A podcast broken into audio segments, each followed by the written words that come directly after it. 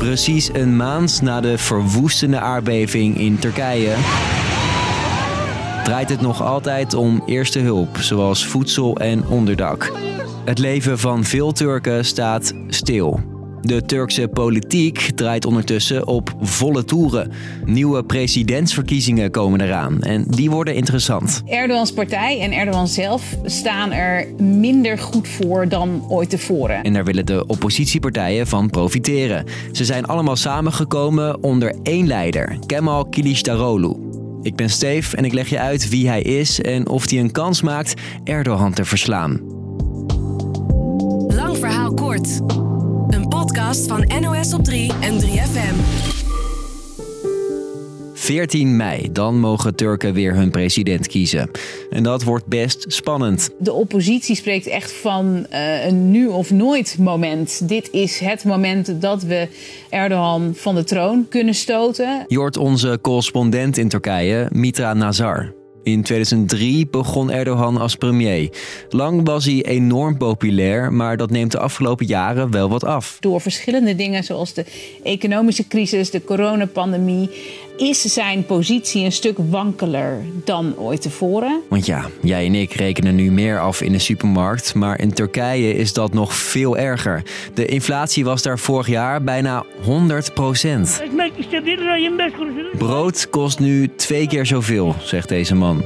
En toen kwamen er ook nog de aardbevingen. Gevolg nog meer kritiek op Erdogan. Deze Turken zijn boos en willen de regering weg hebben. Onder andere omdat de hulp te traag op gang kwam. En daar heeft Erdogan uiteindelijk ook zijn excuses voor aangeboden, heeft dat erkend.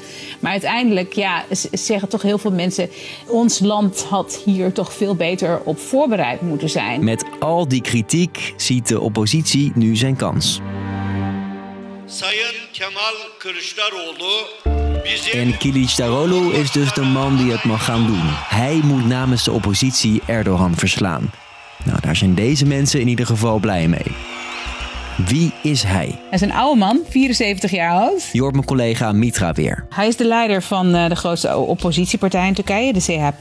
Hij is al heel lang het gezicht van die partij. En wat hem ook kenmerkt? Hij wordt een beetje gezien als een saaie man ook. Toch probeert hij soms wel de aandacht naar zich toe te trekken. Zoals in 2017 nadat Erdogan de grondwet wijzigde en nog meer macht kreeg. Kılıçdaroğlu liep een protestmars en niet zomaar één. Het was hartje zomer, 36 graden en hij liep van Ankara naar Istanbul. Dat is een beetje van Den Haag naar Parijs. En dat deed hij niet alleen. En kreeg tienduizenden mensen met zich mee. Ineens blijkt, de oppositie is er nog. Türkiye'de demokrasi olsa biz niye yürüyün? Er is geen gerechtigheid. Journalisten zitten in een gevangenis en er is geen democratie in het land, zegt hij hier. Overal is deze kandidaat uh, wellicht uh, de enige die al die groepen in Turkije die de oppositie wil en moet aanspreken om kans te maken om te kunnen winnen, die verbindt hij toch wel. Daarbij, hij heeft een Koerdische achtergrond en dat is een groot voordeel. Het feit dat hij uh, ook de Koerden in Turkije kan aanspreken, dat de Koerden hem steunen. En dat is ook best uniek. Nu gaat hij het dus proberen, een strijd met president Erdogan. En dat doet hij niet alleen als leider van zijn eigen Republikeinse Volkspartij, maar met de hele oppositie. En al die partijen wisten vanaf het begin: we kunnen alleen winnen van Erdogan als we dat met z'n allen doen. De Nazi-alliantie, zo heten de zes partijen, die nu vooral één ding zeggen. Het is tijd voor een machtswisseling. Erdogan moet weg. En als dat eenmaal is gelukt, willen ze zo'n beetje alles wat Erdogan heeft gedaan terugdraaien. Ze willen af van het presidentiële systeem. Ze willen van Turkije weer een functionerende democratie maken. En daarbij hoort ook meer zaken doen met het Westen. Ze willen ook opnieuw kijken of dat lidmaatschap van de Europese Unie er dan op termijn in zit. Maakt die grote oppositiepartij ook kans? Het is ontzettend moeilijk uh, te voorspellen. Voor de aardbeving stond Erdogan en zijn partij stonden er al slechter voor dan ooit tevoren. Maar het beloofde een nek-aan-nek race te gaan worden. Dat wordt het denk ik nog steeds. Ja, want ook, of misschien juist met de gruwelijke aardbeving nog vers in het geheugen, zetten waarschijnlijk weer een hoop mensen een kruisje bij Erdogan. We weten ook dat in Turkije in tijden van crisis dat mensen toch ook de neiging hebben om voor die eenheid, voor de natie te gaan, voor die sterke leider die belooft dat alles beter gaat worden.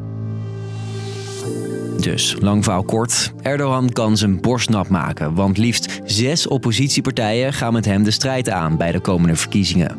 De leider van die gezamenlijke partij, Darolu.